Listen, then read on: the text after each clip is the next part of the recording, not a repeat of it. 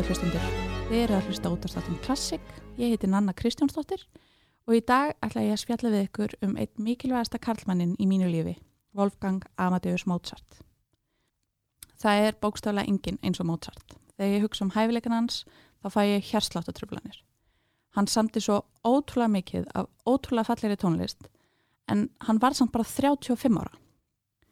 Ég er alveg stór aðdándi margra klassískra tónlistamanna en enginn þeirra fær mig til að fá feyringi magan og skríkja eins og Mozart.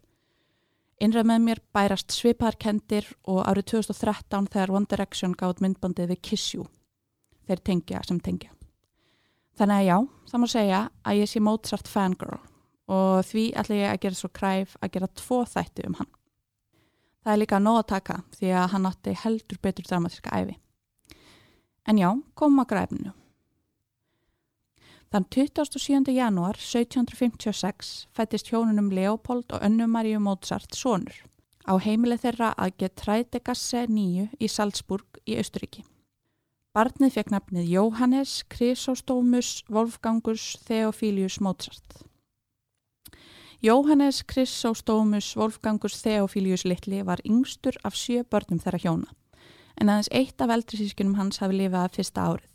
Það var hún Marja Anna Mozart, alltaf kölluð Nannarl, sem var fimm árum eldri en litli bróði sinn. Mozart notaðist lítið við fyrstu tvö nöfnin sín, Jóhannes Chrysostómus, en notaðist aðalega við tilbreyði af hinnum tveim, Wolfgangus Theophilius. Yfirleitt kallaði hann sig Wolfgang Amadei, Mozart, en Wolfgang er þísk útgafa af nafninu Wolfgangus og Amadei eða Amadeus er latnesk útgafa af nafninu Theophilius sem þýðir sá sem elskar eða er elskaður af Guði á grísku. Stundum var hann kallaður Gottlieb sem er þýska útgafan af Theophilius en það verður að viðkynast að Wolfgang Gottlieb Mozart er ekki alveg jafn iconic og Wolfgang Amadeus Mozart. Leopold Mozart var hljóðfærileikari á tónlistakennari og lagði mikið upp úr því að börnin hans lærði á hljóðfæri. Þegar Nannerl var sjöra og Mozart tveggjára var Leopold að kenna Nannerl á píanóið og Mozart fylgist spentur með. Áður en Leopold vissi að var litli stupurinn farin að spila á píanóið með smábarnaputtunum sínum að þvílikri innlifun. Þryggjára var hann farin að spila heilu menuættana fullkomlega, fimm ára var hann farin að semja sjálfur á fullu og pappan skrifaði niður það sem hann samti fyrir hann jafnóðum. Við skulum heyra eitt af fyrstu verkum sem Mozart samti, Allegro í eftir fyrir sembal eða piano en hann sendi þetta fjögra til fimm ára gamal.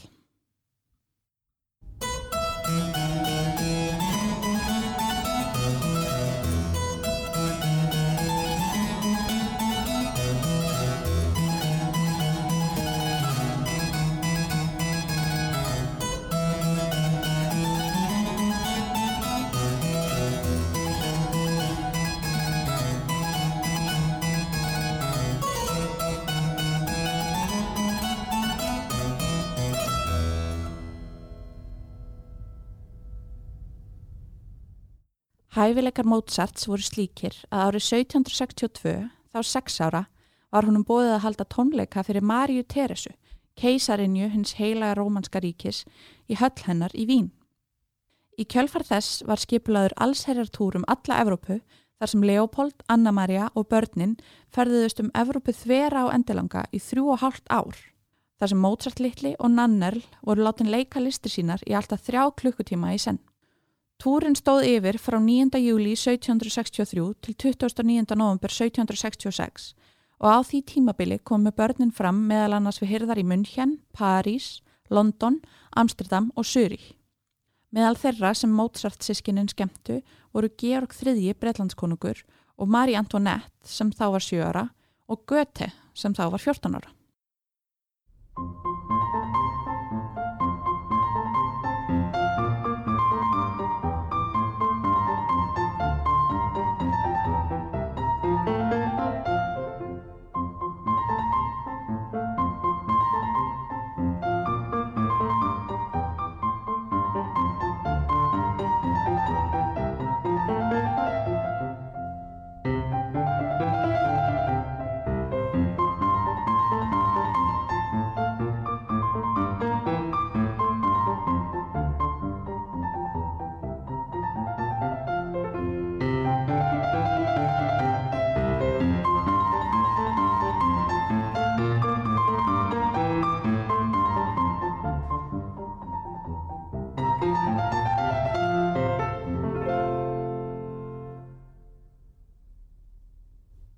Þarna heyrði við klavérstykk í eftir sem Mozart krótaði með blíjant aftan á auðlýsingabækling fyrir tónleika hans og Nannarl sem fóru fram í Sörík 30. september 1766 þegar Mozart var 10 ára. Taliði nokkuð víst að þetta hafi verið eitt af þeim verkum sem Mozart flutti á tónleikaferðalagi sínu. Ferðalagi gekk heldur betur ekki snuðrulust fyrir sig. Það var yfirgengilega mikið álag á hennum unga Mozart. Í upphafi tónleikaferðalagsins skrifaði Leopold vini sínum að Mozart litli rikki oft á nóttu upp með andköfum og greti sáran af stressi og heimþrá. Barnið fekk nánast ekkert frí, tónleikarnir voru mjög þjætt skipulaðir, yfirleitt einir tónleikar á dag og hann þurfti að æfa sér mikið og samti tónlist með frá þessu öllu. Þar auki stóð fólki til bóða að reynilega banka upp á hjá Mozart fjölskyldunni og fyrir fimm skildinga spilaði Mozart óskalög fyrir fólk sama hvaða tími dags var. Ekki nómið að hann hafi verið að allan daginn heldur varð Mozart og í raun öll fjölskyldan alveg hillilega veik að meðan á tónleikaferðalaginu stóð.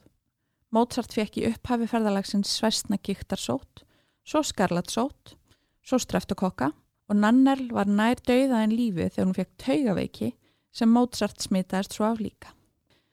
Þrátt fyrir þessi hryllilegu veikindi sló Mozart í gegn hvert sem hann fór og heitlaði alla upp úr skónum, sérstaklega hefðadömunar. Til eru sögur þess efnis að hann hafi beðið Maríu Teresu Hertóinju að giftast sér þegar hún hjálpaði hann að standa á fætur eftir að hann hafið hrasað og að hann hafi gert svo djarfur að byggja um að fá að kissa hönd fraklandsdrótningar og að hún hafi látið það eftir hún. Það er ekki hægt að segja annað en að túrin hafi verið success.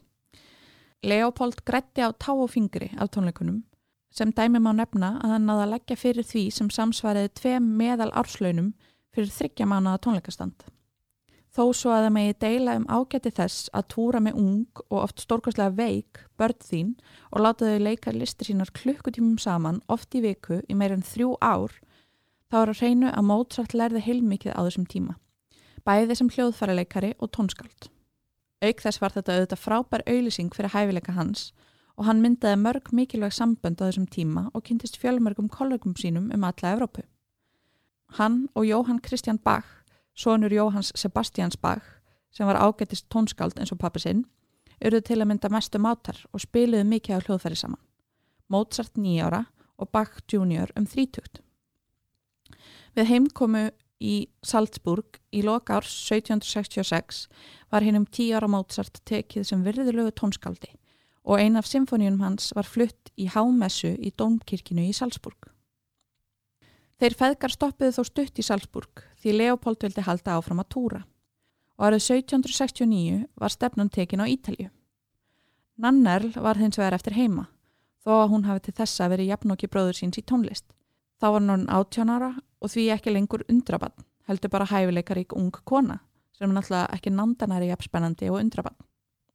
Á Ítalju heimsáttu Mozart feðgar borgir frá Milano til Napoli Í Vatikaninu fór Mozart á tónleika þar sem flutt var Miserere eftir Gregorio Allegri, tæplega korters langt kórverk sami 150 árum fyrr sem til þessa hafi ríkt mikið leindum og ekki voru til neina nótur af nema innan Vatikansins. Mozart gerði sér lítið fyrir og skrifaði verkið upp eftir minni eftir tónleikana og er það fyrsta ofisjál enduruppskriftin af verkinu utan Vatikansins. Árið 1773, þá 17 ára, var Mozart búin að vera semja tónlist í 12 ár og orðin velmótað tónskald.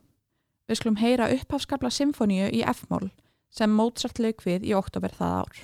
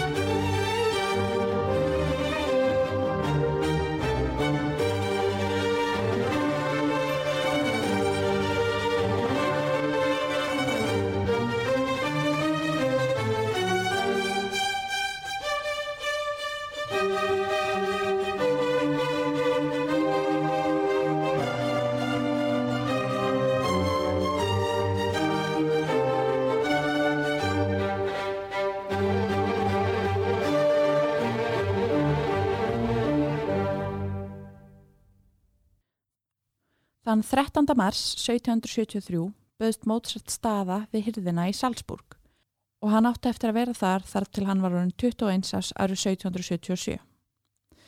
Hann samti mikið á þessum tíma, fiðlukonserta og píanokonserta sem eru ennvinnselverk í dag, en hann var samt ekki mjög ánaður með hlutskipti sitt og vildi Olmur fá vinnu annar staðar. Hann fekk mjög lág laun, auk þess sem Salzburg bauð ekki upp á mjög góðar aðstæður til þess að semja óperur, sem áttu hug hans allan á þessum tíma. Hann sagði upp sömari 1777 og fór að leita sér að nýri vinnu. Um tíma vann hann sem kennari ungra söngkonu, Aloysíu Weber, og endanum var þinn 21 ás Mozart ástofngin af hennu 17 ára Aloysíu. Hann á að hafa beð hana um að gifta sér en ekkert var úr því. Sagt er að þau hafi hist nokkru setna, þá var Aloysíu orðin vinsæl söngkona og þóttist ekki þekkja Mozart. Mozart hlammaði sér þá við piano sem var í herrverkinu og byrjaði að hamra á það og góla Svo sem kæri sér ekki um mig má sleikja á mér rassin.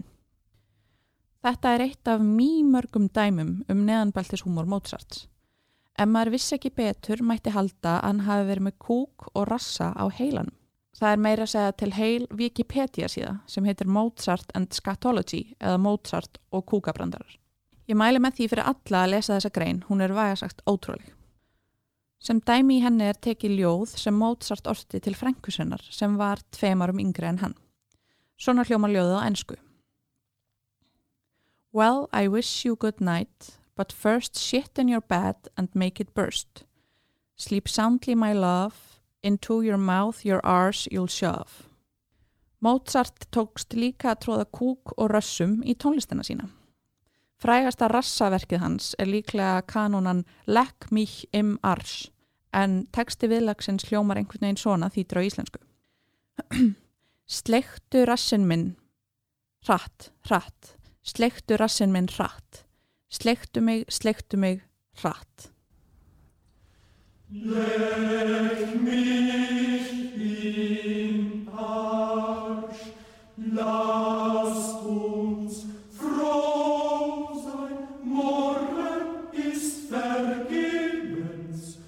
Knurren, brummen ist vergebens, ist das wahre Kreuz des Lebens. Das Brummen ist vergebens. Knurren, Brummen ist vergebens, vergebens drum. Lass uns froh und fröhlich froh sein, lass uns froh und fröhlich froh sein. Leck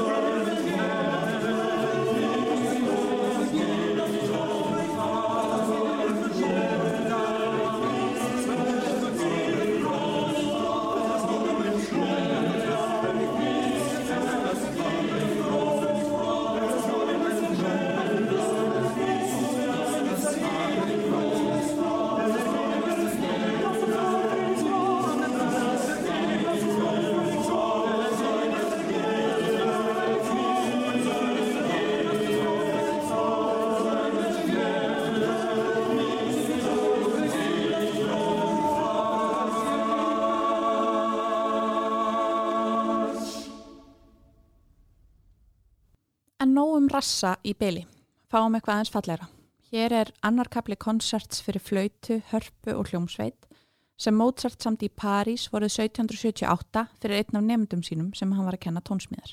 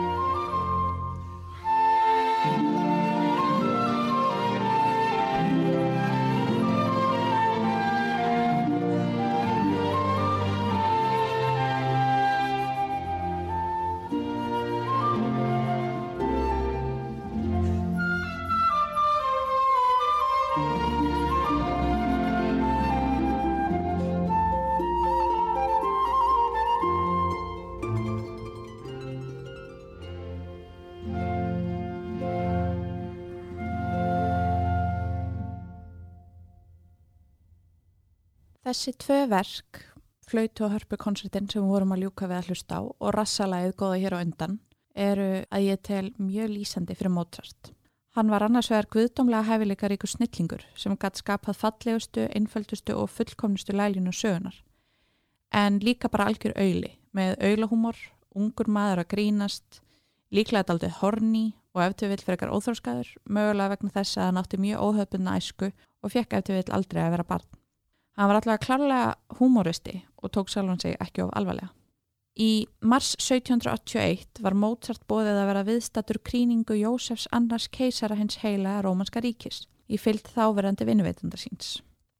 Það var í raun bara formality að Mozarti hafi verið bóðið með en hann var staðræðan í að nýta þess að ferð vel og ná aðtegli keisarans í vonum að fá vinnu við hirðhans.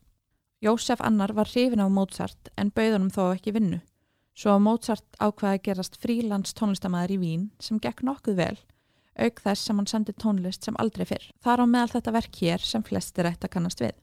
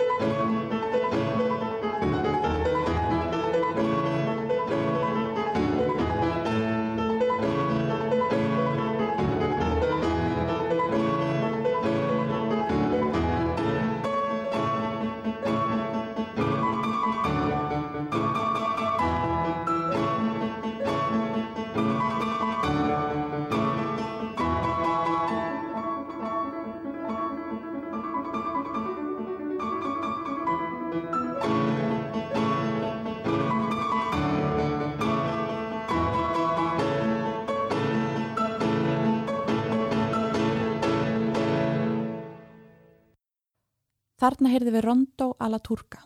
Á þessum tíma sinnaðist Mozart við vinnuveitanda sinn sem hefði hýstan og vantaði því húsaskjól.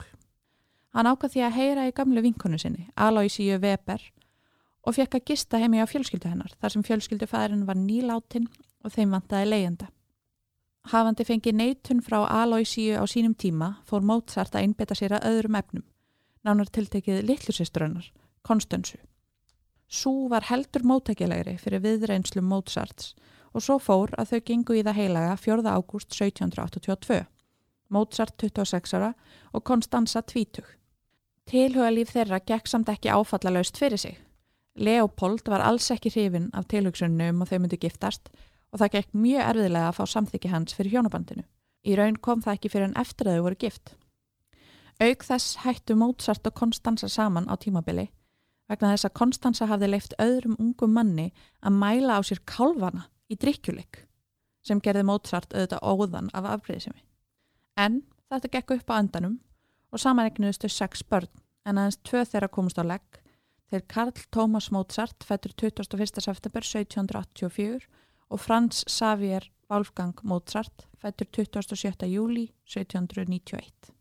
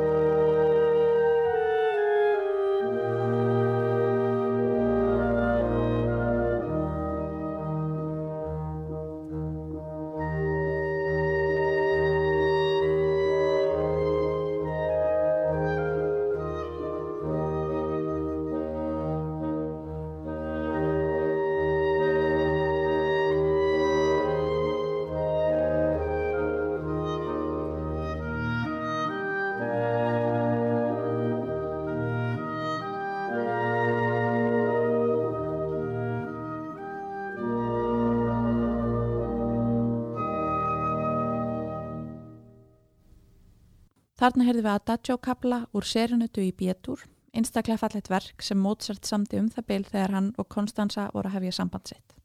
Fræð og frami Mozarts jógst stöðut á þessum tíma og hann vakti aðtekli margra af merkustu tónlistamennum samtíma síns, meðal annars Jósefs Hæten. En hann og Mozart auðu nánir vinir og spiliðu oft tónlist saman, auk þess sem Mozart tilengaði Hæten mörg af verkum sínum. Á tímabilinu 1782 til 1785 hjælt Mozart marga tónleika þar sem hann var einleikari og þeir vöktu mikla lukku. Flest af þeim venjúum sem stóðunum til bóða voru samt aðeins og lítil fyrir hans mekk. Svo hann brá á það ráð að leia ímiskonar rými undir tónleikarna sína, allt frá stórum herbergjum í íbúðarhúsum yfir í veitingahús. Á slíkum tónleikum voru það yfirleitt píanokoncertarnir hans sem að slóu hvað mest í gegn, en hann samti alls 23 píanokoncerta. Fáum smá dæmi úr þeim 20. sem hann lauk við snemma árs 1785.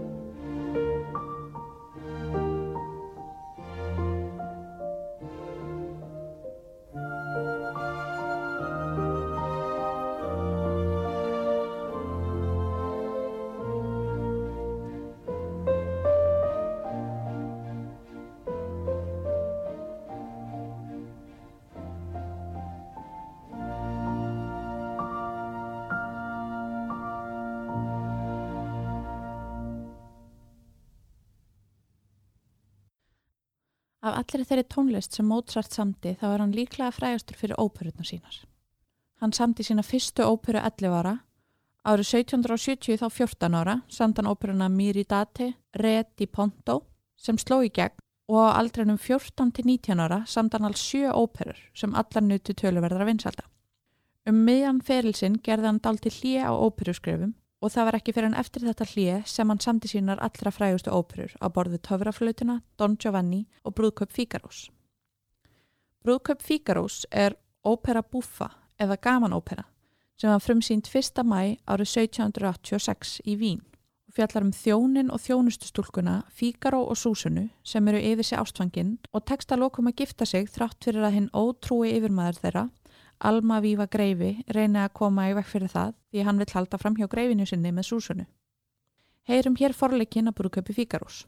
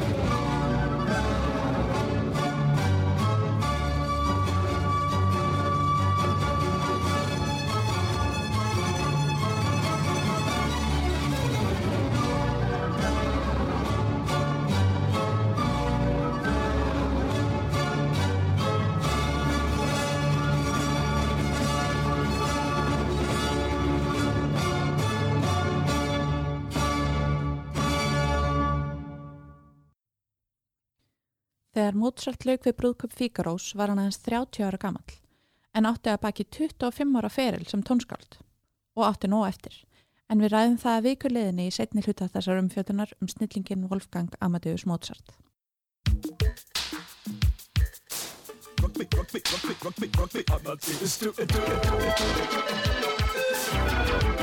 rock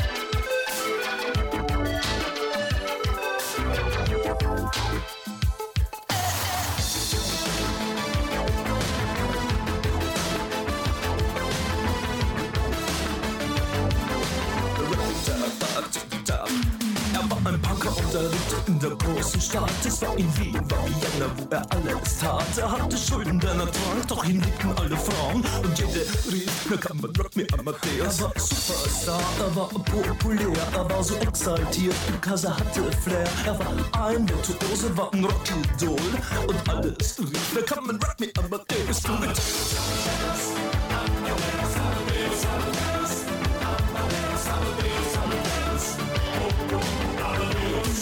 Samba, come Amadeus, Amadeus, Amadeus, Amadeus, Amadeus, Amadeus, Amadeus, Amadeus, Amadeus, Amadeus, Amadeus, Es war um 1780 und es war Wien No Plastic Money anymore, die Banken gegen ihn. Woher die Schulden kamen, war wohl jedermann bekannt. Er war ein Mann der Frauen, Frauen liebten seinen Punk. Er war ein Superstar, er war so populär Er war zu exaltiert, genau das war sein Flair. Er war ein Virtuose, war ein Rocky Doll Und alle suchten noch heute Captain Rock Me Amadeus